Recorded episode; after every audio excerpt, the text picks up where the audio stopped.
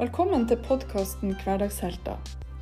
Den handler om det her enkle og svært vanskelige emnet livet. Dem som skal undre seg litt om alt som har lurt på, eller overhodet ikke lurt på. Det er oss. Det er Endre og Hege Beate Sjølberg.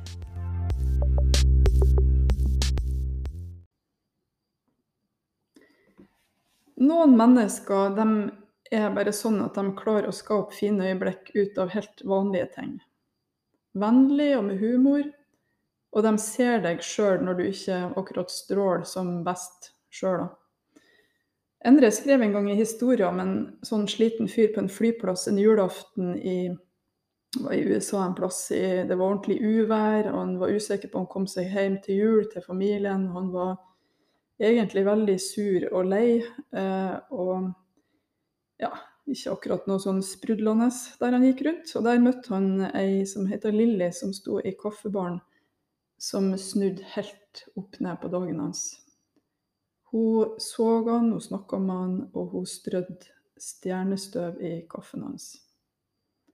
Hun sa at jeg eh, selger ikke bare kaffe, jeg selger òg litt lykke til dem som kommer inn her. Serverer du stjernestøv på pizzaen, Torgrim? Ja, det om jeg serverer stjernestøv på pizzaen, det, det vet jeg nå vel ikke helt, da. Men eh, eh, det er nå vel kanskje i hovedsak eh, de, de, flinke ansatte våre som er flinkest til å servere stjernestøv, tror jeg. Mm. Vi, I dag så har vi med oss en Torgrim Klikken Johnsen, som driver Pizzabakeren i Molde. Og har holdt på med mange forskjellige spennende ting. Men en av grunnene til at du er med, Torgrim, og det var litt derfor jeg starta med den historien, det er jo at eh, sånn som vi har opplevd folk som bor i byen her, og som kjenner deg, når de møter på deg i, over pizzadisken eller over en bardisk tidligere, så har du noe med deg som bare gjør at eh, du er blid og hyggelig, og du ser alle alltid. Og du gjør, I hvert fall fremstår det som at du gjør veldig liten forskjell på dem som dukker opp. Um, og så tenker jeg, Som pizzabaker i Molde så er du en hverdagshelt for ganske mange uansett. Du redder barneselskap, du redder familieselskap. Du har redda mange søndager for oss hjemme. og tror du redder guttene på MFK en del. Det går en del pizza utover der. Eh, og du, når vi møter deg, så er du alltid blid og med latteren på lur. Hvordan klarer du å være så hyggelig og blid mot alle sammen? Alltid. Eh, det, det er jo et veldig godt spørsmål. Det er sikkert steike sur hjemme, da. Lade opp. Mm. Nei da. Nei, eh, jeg tenkte, jeg tenkte, det egentlig Jeg fikk, jeg fikk melding fra det. da, så tenkte jeg at det her, det her er jo ikke helt eh, sånn jeg ser på meg sjøl som en hverdagshelt. Eh, første som slo meg, var at jeg har jo, jeg har jeg har ikke født engang. Kan ikke være en hverdagshelt som ikke har født. Men i deres podkast så er det mest sannsynlig noe å gå til høygravid et halvt liv, så det er innafor. Så da ble jeg med likevel. Eh, men, men det, det, er ikke sånn at jeg ser på meg sjøl som noe hverdagshelt i det hele tatt. Eh, jeg, jeg er en gladgutt som liker å, eh, å, å liker å være bajas, jeg, vet du. jeg er litt bajas. Eh, og, og jeg, går ikke av banen for å slå av en spøk. Og, og jeg tenker det at eh, livet er for kort å gå surmule. Eh, her må man ha det litt gøy, og så må man, eh, må man by på seg sjøl. Mm. Og det er det viktige for meg, egentlig. Du kan jo si litt om hva du har gjort tidligere òg. Du har jobba mye i servicebransjen. Ja, jeg har, jeg har, jo det. Jeg har, det begynte vel egentlig eh, Jeg tok, tok fagbrev i, i, varehandel. Så jeg jobba på, på G-sport på Roseby med Audun Næland i, i fire år. Eh, to av dem eh, var, var når jeg gikk lærling, og så, og så, var jeg der to år etterpå. Eh, fantastisk fin tid, lærte veldig mye der.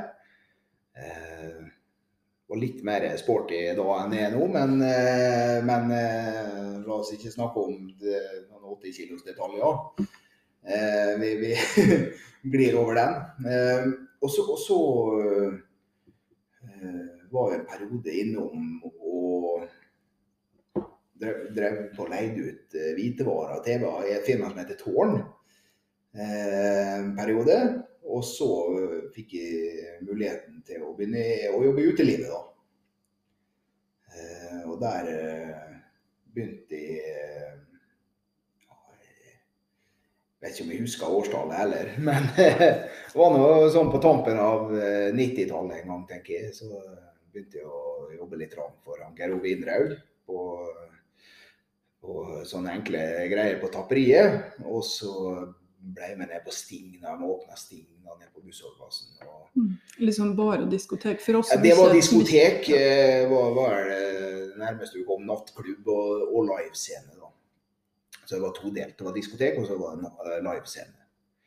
Eh, og det, det er jo på en måte, Det var to, to eiere der nede. og Det var, det var Geir Ove Indraug og så var det Tore Nelland. Og det er jo på en måte eh, dem jeg ser på som mine mentorer innen uteli- utelivet. Eh, veldig, veldig bra folk. Mm. Det var litt musikk og sånn òg, da, sa du?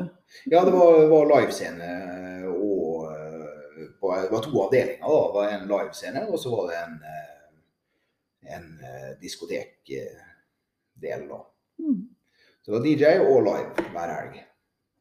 Og det var den tida. Det var, det var fullt hele tida. Eh, så det var jo Det var veldig artig. Det var en bra periode. Det var eh, mye folk.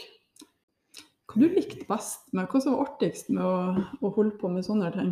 Det, det som var desidert det kjekkeste, det, altså, det, det er jo ikke noe tvil, det var livescene. Det var veldig interessant. Eh, Det var, det var veldig mye Det var ikke alltid vi visste helt hva vi booka, ikke sant. Og det, det her ble jo like mye overraskelse for oss som, som alle andre innimellom. Og jeg husker, jeg husker jeg ansatt vi hadde, vi hadde jo på en måte en, en eh, magiker på lyd en, eh, som heter Bendik Holbø, som uh, jobba der fast som lydtekniker eh, når han flytta hjem fra Bergen. Og han sa det en gang eh, jeg, var, jeg husker jeg var på Alexandra i Loen da, på sånn helgetur med familien. Og så, så ringte han så sier han Du, det er bandet du har booka. Ja, det var sånn coverband, da. Men eh, sånn jeg er ingen trollmann, altså. Sånn. så, nei, men nå får du gjøre det beste ut av det. så eh, Det, musikkbransjen er vel en bransje med litt sånn løst forhold til avtaler, tidspunkt.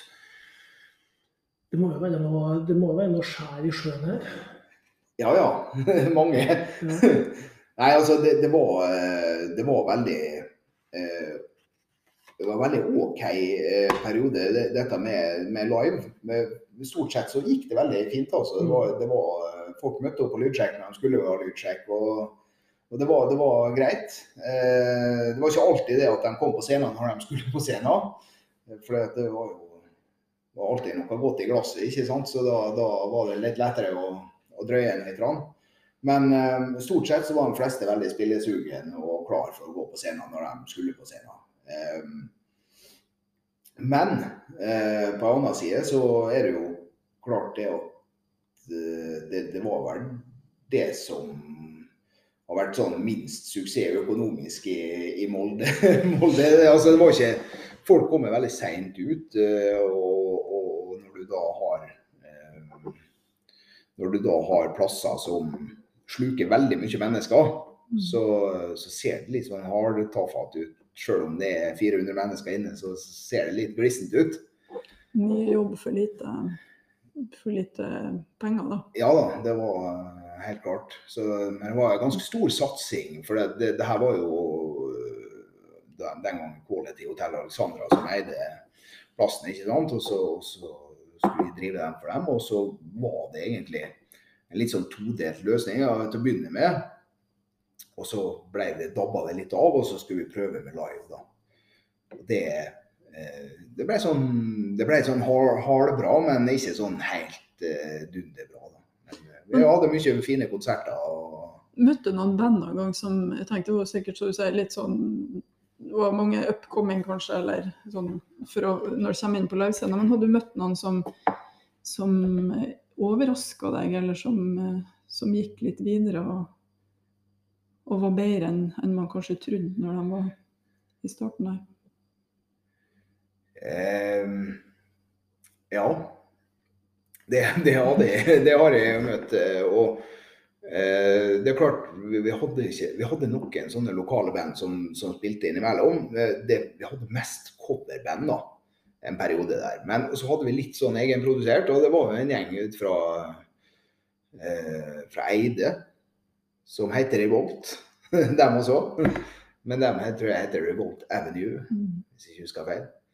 Revolver. Revolver Avenue var det de het. Revolver. Men det var, det ikke så langt unna, da. Men eh, dem husker jeg, dem, den konserten der, den var fantastisk bra. Og det, det, jeg visste egentlig ingenting om dem på forhånd. Jeg visste at det var en gjeng med guttkvalper som, eh, som spilte musikk. Og det var det. Jeg har fått et tips fra, fra han, eh, tror det var han, eh, Helge Bredli Kank i Orango, da, om at de burde ha dem. Og det hvis det var noe sånn familiebånd, da. Så eh, har vel kanskje dere òg, har dere ikke det? Ja, vi har det. Jeg må bare si, det her har vi ikke bedt han om å si, altså. Det var, det, Nei, men det, det, var, det, var, veldig, det Mm. var et veldig bra band. og det, Mm. det, det står igjen som et veldig sånn sterkt minne på en meget bra konsert. Mm. Og så hadde jeg en konsert med litt mer etablert band, som heter Ingenting. Et rockeband fra, fra Stavanger. Og de var helt rå. De eh, druste på. altså. Det var eh, full pinne, og de nekta å gå av scenen. og De, de hadde kontraktsfesta at de skulle spille en og en halv time, og jeg tror de endte opp på 3 timer og 20 minutter. altså. De eh, sto bare og peisa på. Men, men grunnen til at jeg spør om det, og det må jeg si, vi har jo ikke bedt han Torgrim om å si dem om eh, Revolver Avenue, men det var jo veldig det var jo kjekt å høre det. Det Men jeg tenker at det når man har sånn livescener i en by som Molde, så gir man jo sjanse til noen som kanskje ikke har for muligheten. Og små band, alle band har jo starta en eller annen plass. Også dem som er store har starta en plass der noen har gitt dem en sjanse. Så jeg tenker den der følelsen av å kunne gi noen en mulighet til å få vise frem, eh, det skjønner jeg at du syns det var noe med det, med det kjekkeste. Ja, det, det er klart Den, den, eh, den følelsen av å se, eh, se noen prestere godt da, på en scene, det, det er få ting som varmer hjertet mitt mer, i hvert fall, enn en å se den Altså, det, det er sånn passion på dem, da. På en del av dem. At du ser hvor de koser seg når de står der. Eh, og, og så vet du det at Samtidig så vet du det at det nåløyet de skal gjennom for å lykkes innenfor musikk, det er så bitte, bitte, bitte lite at eh, hvis du har ni, ti stykker på scenen, så er det 9,8 som ikke når gjennom. Eh, og det er mange, mange drømmer som blir knust underveis her òg, men det er ikke min oppgave å knuse noen drømmer. Eh, det var, på den tida der så var det vel oppgaven å sørge for at eh, folk fikk utfolde, utfolde seg i drømmene sine.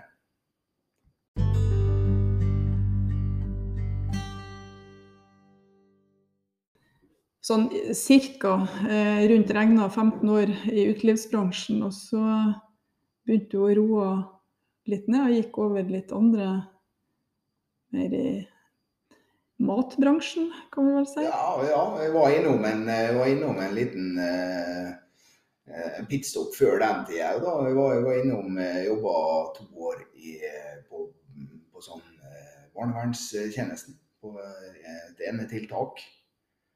Eh, i Aleris, som heter firmaet der da. Så jobba som miljøterapeut der da, i eller miljøarbeider, og kanskje har ikke fortjent noen terapeuttittel. Eh, men, eh, men jeg var to år, to år der, og det var egentlig to år du, man lærte ekstremt mye om seg sjøl. Eh, ikke bare lære om, om, om ungdommen man er hos, men steike min tid. De, de får deg til å lære mye om deg sjøl. Sånn, Svakheter du ikke vet du har, det, det, det fant de på null komma niks. vet du, og Da må du jobbe hardt med det sjøl innimellom. læres det som boliger for ungdommer som bor i sånn slags bofellesskap, eller med Ja, dette var et, dette var et enetiltak da, med, Mm. med ett hus til én person. da. Mm. Så det, det, var, det var veldig givende da, å være der. Eh, så kom Men du følte deg litt uh, tatt litt på fersken? Altså litt uh, For du sier at de, de fersker deg litt ut? de, de finner alle svakhetene du har. Mhm. Finner dem med et knips. Mhm. Og så blir du oppmerksom på deg sjøl. og da må du jobbe veldig mye med deg sjøl for, eh, for å ikke bli irritert. Ikke sant? Så det, det er jo mye det de, de ønsker å få en reaksjon. Men, eh, men eh, du, du, jo mer du jobber med, det sjøl, jo mer kommer du også inn med, med de ungdommene du, du skal være inne med. Eh, Så, så det var en veldig fin, fin periode. og lærte veldig mye på de to årene. Veldig mye. Viktig å være. Det blir jo en sånn trygghet for dem. Og det er vel ikke så uvanlig at de tester ut for å se om folk blir der. er Nei, det, det, er noe, det er noe slik det er, det der. Og, og så kom, kom vi til punkt der eh, der Renate, som jeg da er gift med, ble gravid. Og hun har litt sånn kompliserte svangerskap. Så hun, hun er jo stort sett sengeliggende. I store deler av, i hvert fall på, på slutten av begge svangerskapene, så har hun vært sengeliggende. Og da fikk jeg en telefon fra han som eier eh, franchisen på pizzabakeren i Molde. Og så sa han rett og slett det at eh, når du driver og eh, smeller mine ansatte på kjøkken, så får du pinadø ta over sjøl, sa han. Ja, for Renate jobber. Renate var på pizzabakeren da. Hun, hun, Renate har jobba på pizzabakeren siden det åpna i 2012 i Molde. Eh, og så måtte jeg rett og slett ta en liten tenkepause og tenke meg litt om. Og så, så tenkte jeg at ja, hvorfor ikke? Og så gjorde jeg det. Så eh, Du hoppa inn eh, før hoppa inn i det. Og da, da var det veldig, det var en veldig fin trygghet at Renate hun hadde full kontroll på alt der nede. ikke sant? Så eh, jeg følte meg litt sånn eh, Ja, hva skal jeg si da? Til, I hvert fall til å begynne med så var jeg litt mer sånn Titten Tei, da. Hun satt oppe i Nordbyen og var Birgit Strøm, ikke sant? som eh, bare satt og holdt trådene og styrte med. Og så Det var- ble en veldig brå start, det. Ble det. Det er i hvert fall en plass du kan eh, dra med deg jobben hjem. Ja, det blir mye, mye jobb hjem. Hvem, hvem er da sjefen på Pizzabaker nå? For nå er ikke Renate gravid, og Nei, altså- er tilbake her. Jo da, vi, vi, vi har jo en litt sånn delt rolle oppi der da, på, på, på dette eh, her. Og, og vi har jo begge to et lederansvar der borte. Og, og, men sånn som det er nå, så, så er det jo Renate som styrer mest det som er inhouse der, og jeg jobber mer ut mot felten. da. Eh, så, så vi har delt oss opp litt rann, eh, i så måte, da. Mm, Hvor mange, Så det, hvor mange ansatte har dere nå? da? For det, har- nå har dere økt. Du er jo blitt en av de største pizzabakerne i regionen, i hvert fall. Ja, Per nå så er vi den nest største i hele Norge, av 190, så det er jo kjempeartig. Det er jo fantastisk. Så, så vi, vi, ligger jo egentlig i rute til å selge pizza for ca. 15 millioner i år. Og det er vanvittig mye pizza. Folk i Molde er glad i pizza også. Folk i Molde er veldig glad i pizza. Bare på en sånn fun fact, da, hvis du tar pizzaeskene og så stabler dem bortover fra pizzabakeren og østover, da, så på dem vi solgte i fjor, så hadde det kommet et lønnsett med pizzaesker. Ja. Så eh, det, det er ganske stort antall. da. Vi passerte 68 400 pizzaer i fjor i Molde. Ja, og da står det en gjeng eh, med mye ungdommer, i hvert fall. Du har, dere har ansatte Ja. mm, som Vi, står og eh, produserer. Vi, vi, vi har jo egentlig alltid hatt uh, veldig mange som har sin første jobb. Uh, hele tida. Uh, men vi kom til et punkt i fjor der vi tenkte at nå må vi, nå må vi få inn mer yngre garde. Eh, for det er ikke alle som trenger å kunne å kjøre, kjøre bil. Det er ikke alle som, altså, her har vi nok jobb til alle. Inne, eh, Vi har folk som kjører bil, vi har folk som må stå inne. Eh, En person på 15-16 år kan liksom godt stå inne og jobbe som en person på 18 år. Og, og, og ofte så er motivasjonen på en 15-16-åring den, den er skyhøy, rett og slett. eh, og så er de veldig lærenem, så de blir veldig fort flinke. Og, og vi har veldig mange av dem nå altså, som er eh, Som bare tar stegene veldig fort og blir fort veldig flinke. Og Hvordan er, sjef, eller hvordan er du som sjef? Snakk for deg sjøl i første omgang, i hvert fall. ja, ja jeg, jeg vet, Det spørs nå litt hvordan, hvordan de opplever det. Men eh, jeg opplever meg sjøl som egentlig ganske rettferdig type. Altså, jeg kan jo jeg kan av og til brenne litt løs hvis jeg, hvis jeg ikke er fornøyd med ting. Eh, for det, det, det er klart, det vi jobber med, det er, det er veldig skjørt. Altså, du, du jobber med mat, og hvis du ikke gjør det du skal gjøre med mat, så, så kan folk bli sjuke. Mm. Så det er vi veldig, veldig pirkete på, på de tingene der. Um, og, og eh, i så måte så kan vi være litt sånn passe litt på at ting blir sånn som det skal være. Og, og det tror jeg også er viktig uh, i forhold til at vi har kommet dit vi har kommet nå. At vi har blitt en av de beste i landet på dette her. Så, så har vi jobba veldig mye med akkurat den der småpirkinga. da. Eh, men også kommer du til et punkt der, der du ikke trenger å gå og pirke lenger. Og det er fantastisk. Det er, det er et godt punkt, altså. For da, da ser de det sjøl. Eh, og så, så er det bare fryd og gammen, altså. Eh, og, og, eh, men alle, alle sammen har eh, sine perioder med, der det dupper litt, ikke sant? der motivasjonen er svingende. Og, og sånn er det med alle. Det, og, det er tøffe tider for ungdommene. De går på skole i tillegg. De har eksamener, de har tentamener, de har mye forskjellig. Og, og, de periodene der det er ekstra hardt trykk, da? Så, så prøver vi å, å, å gjøre sånn at det, blir tilpassa til skolearbeidet deres for det er jo tross alt det de skal eh, leve av resten av livet. Eh, men jeg tror, nok, jeg tror nok det at forhåpentligvis så, så eh, sånn, som, sånn som det er nå, så, så eh, kan man håpe nå at det blir opplevd som fair, i hvert fall. At eh, eh, jeg har i hvert fall en følelse av at dem vi har ansatt, er takknemlige for at de har fått muligheten. Og at jeg sjøl også tenker det mange ganger at vi er veldig heldige som har kommet i den situasjonen at, at vi kan fortsette å ansette folk når Norge kutter, kutter, kutter overalt. Ja, for den utvidninga og den flyttinga av lokaler kom vel nå i midt i, i, Det var i juni i i fjor. koronaperioden. Ja. Mm. Så det var midt inni der. Ja. Um, og det, det, var, det var en sånn sårt tiltrengt uh, flytting. For uh, vi var vokst ut av lokalene der vi var. Eh, vi, vi, hadde, vi hadde det så trangt at uh, vi hadde egentlig ikke kapasitet til å drive på med, med i så stor skala som vi gjør da. Så det var veldig forløsende å få, få flytta.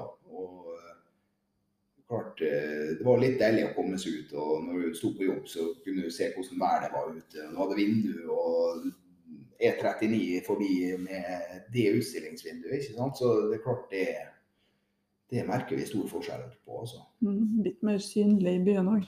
Ja.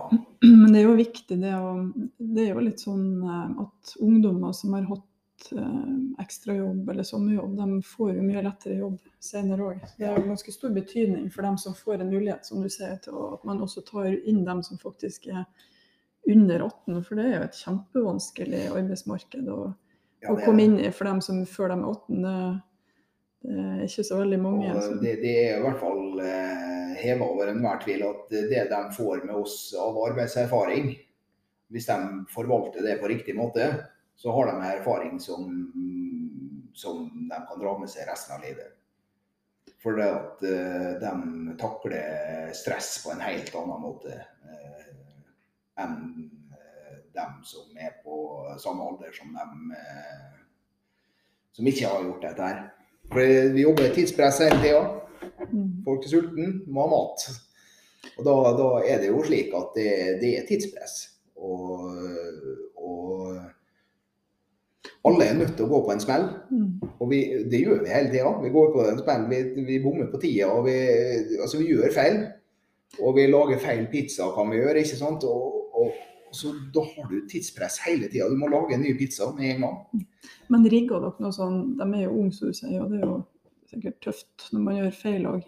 Litt sånn, Passer de litt på hverandre, eller sånn oppbacking? Eller har dere noe system for å, for å følge opp skulle si, hvis man, hvis man syns det er tungt? Ja, det, det er klart. eh, Alle, alle dører står og altså Vi står jo og jobber med dem hele tida.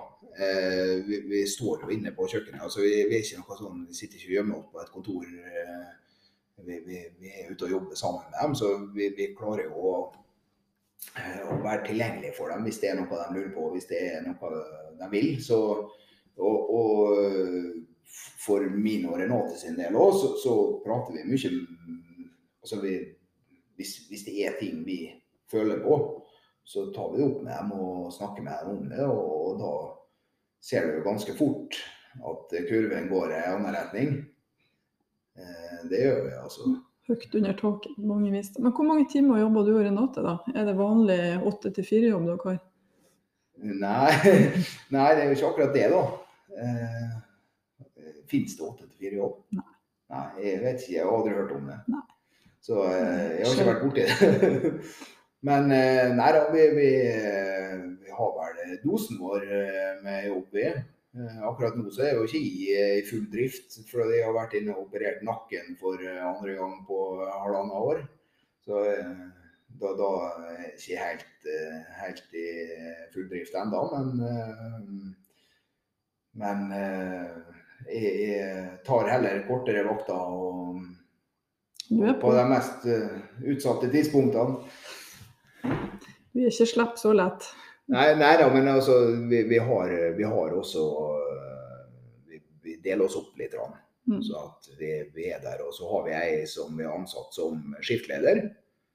Som er veldig mm, flink og, og tilstedeværende på, på, på de tingene. Som har som, eh, som holder trådene sammen også når vi ikke er der. Ja. Når, De er veldig flinke ungdommer, bare så det er sagt. De, de klarer veldig mye sjøl òg. Ja, eh, du sa jo litt om det, det med at du har hatt litt trøbbel med nakken. og Det er jo eh, ikke en så gammel mann ennå, men det er klart det, Spørs om hvem du spør. det. det er noe, eh, spør du ungene mine, så er det sånn bortimot 120 år, tror jeg. Så det er noe eh, mm. dinosaur? Ja, dino, dinosaur, ja. Ja, jeg tenker, Når man har levd et liv, så er det jo ikke sånn at alle dagene er like enkle. Nei da. Nei. Det kan de ikke være heller. Eh, det skal være tøffe dager. Hvis ikke så merker vi ikke at de gode dagene er gode. ikke sant? Så det er jo eh, det er jo rimelig viktig å ha en god balanse av alt, egentlig. Selv om du vil jo ikke ha disse drittdagene. Du vil ikke ha så mye av dem. Men eh, du merker jo det når det litt imot at eh, du, du, man går litt fortere lei enn eh, enn man skulle tro, altså. Man blir litt morken. Eh, Mm. Men hva du, hva du gjør de, de gangene når det blir litt Når man blir, man blir jo sliten av å jobbe og, og si, stå på både på, på bar om natta og pizzabakeren og sånn gjennom et liv. Og så, er det jo sånn som du sier at livet ellers vi, ikke, vi, vi møter jo på ting, sykdom og andre tøffe ting i livet. Ja. Hva som har vært viktig for deg eh, i sånne perioder? da? Nei, altså for, for min del så er det alfa og omega. Det, det er familien, ungen, ungene. Og ungen. Jeg har en som er åtte, åtte år eldre enn den andre. Altså jeg har en på 13 og så har jeg en på 4. Og de tilfører jo en del sånn eh, positiv energi, da. Eh, men for min del så er kan si alt du vil om kone og alt, men det, det er bare å glemme kone. Også når vi snakker om fotball, det er energi. der får man eh, der får i hvert fall i fotballfyll, da. Eh, det er vel det man kan kalle en skikkelig idiot på fotball. Rett, eh, rett fra levra. Når starta det? Ja, det starta eh, sånn ja, sjuårsalderen, tror jeg. Husker du akkurat hva som gjorde at fotball ble greia di, liksom? Ja, ja det, var, det var klart eh, Akkurat det husker jeg. altså. Det var naboen min, Jon Arne Ormbostad. Bror til Erlend Ormbostad, som eh, da eh, senere skulle begynne å spille på Molde. Og, og, og han, Jon Arne han var ihuga Liverpool-fan. Og, og, dette her var eh, Det var ikke på YouTube, eh, det var tippekampen, da, ikke sant. Så vi satt jo, satt jo hos Ormbostad og så, tippekamp, da. Og John Barnes var, var han konge, altså. Det var, det var så bra. Og da ble det sånn. Og det forklarer jo naturligvis, Hege, at ingen er perfekt. For Torgrim er en vassekte Liverpool-supporter. Så så feil kan en trø i tidlig alder. Så en Everton-supporter. Ja, men altså, jeg, jeg, jeg gikk rett. Han gikk over parken. um, dette er et rykte. Men uh, nå har jeg det her, så nå kan du få lov til å måte avkrefte eller bekrefte, men jeg har hørt rykte om deg i Liverpool, uh, og du må på do. Hva gjør du da? Ja, men da må man finne seg en drosje, da. Ja, Det må man gjøre. Da må man ut, og så må man eh, stikke hendene Taxi! Og så er man nødt til å finne seg en taxi. Og så satt vi oss i taxien, og så det, det skal jo sies da at jeg var på en sånn Jeg var på en tur med Karlsberg. Eh, eh, og, og vi, vi, var på et rimelig fuktig lag eh, på en nattklubb i Liverpool. Og så, og så skulle vi egentlig tilbake igjen til hotell, hotellet. Og så uh, satt vi meg inn i bilen sammen med to ikke navngitte uh, kolleger fra Molde. Og, uh, og så, så spør taxisjåføren hvor vi skal. Og da var da det datt ut av meg. da. To Old Trafford. I have to pee. Så sier han Old Trafford five o'clock in the morning. Yes, I have to pee. Og så tok vi taxi i tre kvarter fra Liverpool til Manchester for å pisse opp etter veggen på Old Trafford. det var den beste tusenlappen jeg noen gang har sett av. Så det er litt sånn at mannfolk, eller fotball får mannfolk til å få lyst til å markere litt. Og så er det vel også litt sånn at fotball er vel det som får mannfolk til å gråte også. Det det er helt sant. Ja. Det jeg har faktisk gjort det et par ganger, altså. Det må jeg bare si. Eh, det, det var i, i 2011, tror jeg, var, var første gang jeg tok meg sjøl i å, å stå og hulke på stadion. Det var når når Molde tok eh, Nei, det var, ikke det. Det var, det var litt senere på kvelden. For vi vant jo, vi vant jo ikke gullet på stadion. Men eh, vi, vi, vant, eh, vi vant det på Lerkendal, faktisk. og da var, det, da var det mye følelser i sving også på kvelden her nå. Eh, vi hadde en gullfest på Alexandra. Sto på verandaen der. Og det, det var, det var tjåkefullt med folk fra, eh, fra Thon-hotellet til eh, Statoil. Så bare sto og hoppa, og det, det var helt magisk. Det var litt av en kveld, altså. Og det var eh, ekstremt mye følelser, og det var eh, Og mer skulle det bli, da. Vi hadde jo eh, 2013, Ullevål, eh, når vi møter, møter et lag i cupfinalen. Tenkte jeg at det har vært fryktelig deilig å vinne den der. Skal ikke ha noe av æren, men jeg fant meg sjøl når Tommy Høiland skårte det siste målet der. Det skjedde jo selvfølgelig veldig mye fint eh, tidligere som man aldri skal glemme. Da, men, men det, det forløsende 4-1-målet når du skjønte at nå, nå gikk det. Da, eh, da eh, tok jeg en timeout for meg sjøl. Jeg husker jeg lå under noen seter oppe på, på, i svingen på Ullevål og, og hulka. Og da kom han Jan Egil og han, eh, han eieren av franchisen på pizzabakeren her, og så kom han og tok en rundt og sa han, han er fra Ulsteinvik. Går det bra, eller? så, Men hva, det, hva som gjør det at, at en stor og stødig, rolig, sindig fyr ellers blir så følelsesmessig engasjert i jeg er ikke så sindig, vet du. Nei da. Er ganske full av, full av, eh, full av bølger. Nei da, du, det er akkurat den der den, eh, den kjærligheten til Molde fotballklubb spesielt, den er så stor at den, den styrer veldig av eh, styrer veldig mye av livet mitt. mm. Det høres teit ut å si det, men eh, det svinger. Hvis Molde taper, så er jeg pissur. Ja, Altså, du, du bør ikke komme og si det at det er bare fotball til meg, for det, det, det funker ikke. Eh, jeg kan være fly forbanna i dagevis hvis vi taper mot eh, feil lag. Eh, og det, det sitter så Det sitter så djupt. Eh, og, og det er Men du svekter dem aldri. Nei, det skal jeg love deg. Det er et, eh, det er et livslangt kjærlighetsforhold. I gode onde dager. også. Ja, ja. Det skal ikke komme noen og stille seg i veien for det. Det har vært litt spesielt nå det siste året for fotballen òg, og guttene. Ja, det har det vært. Hvor har det vært for en fotballsupporter? Nei, det er jo først og fremst eh, dørgende trist å være inne på en stadion uten folk eh, når man er på kamp. Eh, og det er Ja, altså Det er jo kanskje der jeg får den største påminnelsen om at ting ikke er normalt i verden. Bortsett fra at vi drar og går med munnbind og vi gjør ditt og gjør datt. Men eh, det å kunne eh, se det at eh, det, det såkalte fristedet da blir ruinert, det òg. Det, det er litt sånn vondt, da.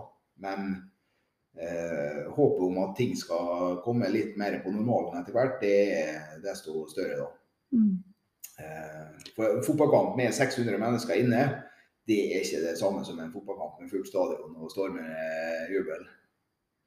Vi krysser fingrene. Det går mot bedre tider. Så vi var jo, vi var jo på familietur til Liverpool eh, rett før det smalt. Så vi, vi omboka flybilletten hjem og for hjem 11. mars i fjor. Vi skulle egentlig hjem 13. Så vi kjøpte nye flybilletter rett og slett for å komme oss hjem. For vi tenkte det at nå, nå stenger det ned alt. Så vi fløy hjem og droppa ja, det var vel en av de gangene det var tårefullt, da. Men han eh, Sander, eldstegutten på, på den, den gangen tolv, han eh, eh, og skulle stå og fortelle han at eh, mor og far har tatt eh, en avgjørelse om å fly hjem. Så den kampen mellom Liverpool og Atletico Madrid som du skal på i morgen, den blir ingenting av. Det var tøft. Det var, eh, da var det da var det sammenbruddet oppi der. altså. Han var knekt. Og det var jo ikke han helt alene om, da. Men, eh, men viktigheten av å komme seg hjem, Mm. den var veldig stor. Og så var vi på Vi var hele familien med, med alle var på kamp lørdag før Liverpool Bournemouth med 54 000 på tribunen. Så det var, var liksom, har fått en ordentlig kamp. Men det var alvoret slo jo inn. Ja, det begynte å bli mer og mer alvorlig, og du så så egentlig på avisene hjemme at ok, nå begynner vi å vurdere å stenge flyplasser, grenser. Og da kan vi ikke sitte her med to unger, liksom. Det, det, det funka ikke. Så var det rett hjem og kjøpe dopapir og komme i karantene i 14 dager. slo eh, fornuften mer inn enn hjertet, ja, Mm. det gjorde egentlig det den gangen. der. Det er ikke så ofte det skjer, altså, men eh, da, da var det, det Det var veldig godt med voksenpoeng i den situasjonen der, altså. Hvis du skal fremheve ett eh, fotballøyeblikk Du snakka litt om cupfinalene og sånn, men det aller største For du, nå ser du at du har vært i England og sett Liverpool, som, som du starta med som sjuåring og, og, og heier på. Um, er det noe som du kan peke på som er det aller største fotballøyeblikket for deg? Ja. Eh, ja, det er ganske mange etter hvert, da. Men selv om, selv om eh, selvfølgelig eh, det har vært eh, vesentlig flere nedturer, nedturer enn oppturer innimellom. Men eh, det er klart det var stort eh, når, når man skjønner det at Molde fotballklubb har vunnet Tippeligaen, som det da heter, eller Eliteserien. Det, det hadde jeg aldri trodd jeg skulle få oppleve. Aldri. Og, og det, det, øyeblikket der, det var, det var ganske magisk. Altså, jeg husker vi var på vei fra stadion til byen. Og vi hadde bare avlyst festen, egentlig. ikke sant? Vi skulle jo arrangere en fest uten sidestykke. Og så eh, Før vi var kommet til Statoil, så leda Brann 3-0. Og da skjønte vi at OK, nå blir det fest. og da, da, var det på med gulldressen. Også. Da hadde vi gulldressen klar, og, det, og, da var det bare å dra på. Det var eh, Det var litt av en kveld, altså. Mm. Jeg sitter og tenker, det må være fantastisk. Jeg var spille edru hele kvelden. Jeg drakk ikke én dråpe alkohol. Jeg tenkte her skal jeg ha med meg. Jeg, jeg skal være med mine fulle fem. Eh, og eh, det, det, var, det er jeg glad for i dag. Eh. Alle detaljene. Jeg sitter og tenker på det må jo være spesielt å være fotballspiller òg i Molde her, med den jeg tenker at Guttene spiller jo sikkert for de liker å spille fotball. og Du er nå tett på dem òg, Endre. De er en fin gjeng vi har her i Molde.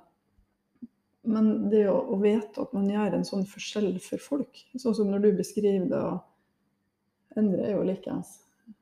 Jeg heier jo òg, men jeg vet ikke om jeg greier helt å ha den her Jeg ler meg så inn i det.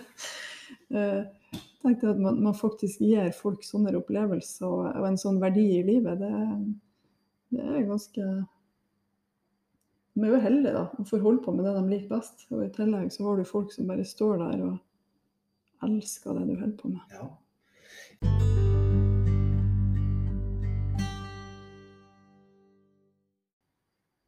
Hva som er viktig i livet ditt?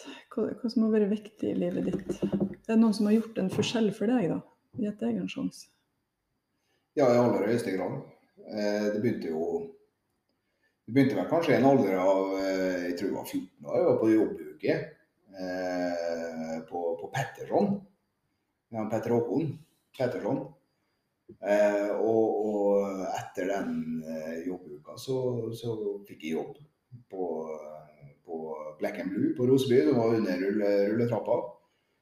Og det her jeg tror det var 1992, kanskje. Jeg tror det, må, måtte være det.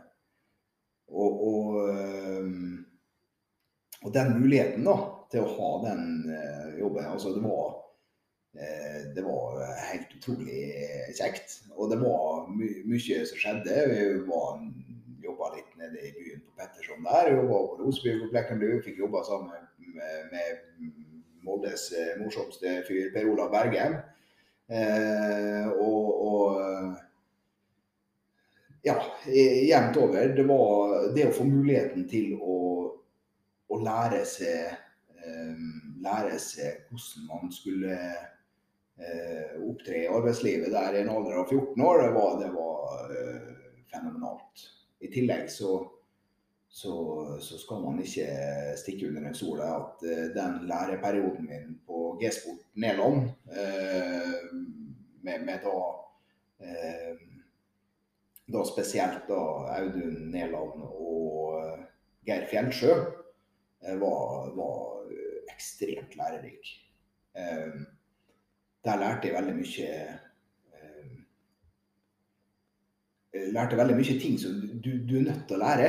Eh, altså, det, det, det, går på ting som du egentlig ikke tenker over når du er, når du er forholdsvis ung. Da, så, så, så flyter du litt. ikke sant? Du, du, du har ikke sånn du har ikke rutiner på ting. Du har ikke Altså, ting bare går seg til på et rart vis. Eh, men, mens der fikk man litt mer struktur på ting. Det var, det var ordna forhold. Det var veldig Jeg fikk lært veldig mye der. Veldig mye. Så, men, men jeg tror nok det at uh, så lenge man har på en måte innstillinga til det, så kan, kan, man på en måte lære seg det man vil. Og, og da kan man egentlig nå dit man vil òg. Uh, det viktigste er hva man sjøl uh, ønsker å gjøre med livet. Eh, for min del så var det var det egentlig aldri helt eh, eh, mål og mening for meg å, å, å følge i foreldrene mine sine fotspor som sykepleiere. Um, og, men, men, jeg tror nok det at uh, det valget mitt om butikk, det ble skapt Eller butikk og business sånn sett, da, det ble skapt på Petterson. Uh, I 92. Da, da, tenkte jeg at dette her er, er mest sannsynlig noe for meg. Og nå, nå sklei jeg jo litt ut av det og inn igjen i det. Og jeg har jo vært litt sånn fram og tilbake på, på uh, hva, hva, hva, man har drevet på med. Men sånn jevnt over da, så er det samme essensen. Det å jobbe med mennesker. Det å kunne ha nær kontakt med mennesker. Uh, og, og, og føle at uh, man er med og bidrar til at uh, folk har en bedre dag. Mm. Når er det du har den beste dagen, da? Det er egentlig et veldig godt spørsmål. mange ting. Ja, det, det, det, kan være mange faktorer, men, men den, beste, den, beste, dagen den, den er en fin dag med bra flyt hjemme, og så vinner Molde og Liverpool på samme dag. Eh, da skal jeg ikke be om så mye mer. da er du Tor Grim fornøyd? Ja. Mm. Sånn jevnt over ganske fornøyd da. Men det ligger vel kanskje litt i genene. Du høres nå ut som du er en stødig fyr som, som uh, ser mange gode ting og gode verdier i livet. Det må jo komme fra en bra plass, der. Ja, det kommer jo sånn uh, Litt, før, litt ledende spørsmål. Da, som, er, som er veldig, veldig fine folk, uh, syns nå i hvert fall. Og, og det er klart, dem, de verdiene de har sendt videre i rekka, de, de er jeg veldig glad for at de har fått. De, de, har, de har alltid gjort at de har, alltid, de har alltid på en måte støtta opp om valgene. De har vært fornøyd med det vi har drevet på med. De, de oppmuntrer og er veldig positive folk. Mm. Gitt deg en god ballast. Ballasten er god. Jeg pleier å si det. Min far han er en sånn eh, antikvitetssamler, da. Så der folk sier at de kommer fra et møblert hjem, de pleier å komme, komme fra et overmøblert hjem. Og det er jo litt sånn det er.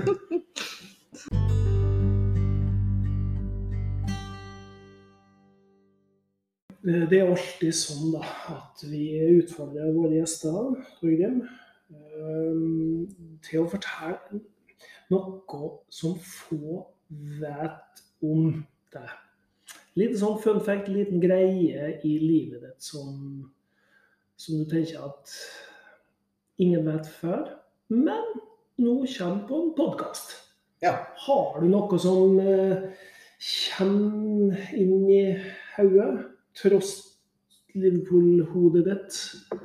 Ja, vi har opptil flere ting der vet du, kunne, kunne tenkt på. Men altså, det, det er klart eh, man, skal ikke, man skal ikke kimse av en god historie, pleier jeg å si. Men jeg skal, jeg skal kanskje ikke eh, er jo en mann som er glad i å prate litt, og ikke alltid, ikke alltid like seriøs, da. Og det, det er jo det er jo bakdelen med å være i nærheten av mediet, at det av og til så, så uh, rinner litt over. Eh, Men, men eh, jeg, jeg sto der med bryllupstalen, eh, og så eh, For du har skrevet, du har skrevet manus. Selvfølgelig hadde jeg skrevet Ja. manus. Jeg hadde jo opptil flere sider med manus, og alt var bra. Helt til to minutter ute i den talen, så fulgte jeg manus. Og etter det så røyk manus i lomma. Eh, da begynner du å skyte fra hofta, ikke sant? Og det er ikke bra. Eh, men jeg klarte jo å berge meg inn på, et, på, på en viss måte, da. Eh, og så husker jeg bare Det kom helt til slutt. Renate, sammen så er vi dynamitt. Jeg er kubben, og du er den korte lunta. Og dette her ble jo festlig for hennes familie, da, mens min familie var litt mer sånn tilbakeholden på latteren eh, i, i den settinga der, da. Eh, Vi starta med å snakke om at du er en fin fyr som, som ser folk. Du tar godt vare på dem som kommer innom eh, på pizzabakeren. Du er fin med dem som er rundt der. Du er veldig ivrig når det gjelder fotball. Da kan det svinge litt i bølgedaler. Og så bruker du humor veldig mye. Og jeg tenker at eh, det er litt sånn livet er. At jeg tror det blir litt lettere. Også hvis, hvis vi har snakka litt om at det er ikke alle dager som er like, like enkelt. Det er ikke sånn at livet er like bra hver dag når vi står opp. Og vi vet heller aldri hva som møter oss når man lever et vanlig liv. Det er sånn det er. Men det å bruke humor og ta litt brodden av det, det gjør at det blir mye enklere. Det gjør det. Og eh, spør du ungene mine, så er det dårlig humor, da. Men det, det, er, jo, eh, det er jo slik det, det den er Dårlig sånn humor, er. dårlig humor er også humor. Men med det så sier vi tusen takk da, Torgrim. Kan jeg få si litt til? Torgrim, jeg er helt sikker på en ting. Du kommer aldri til å gå alene mer.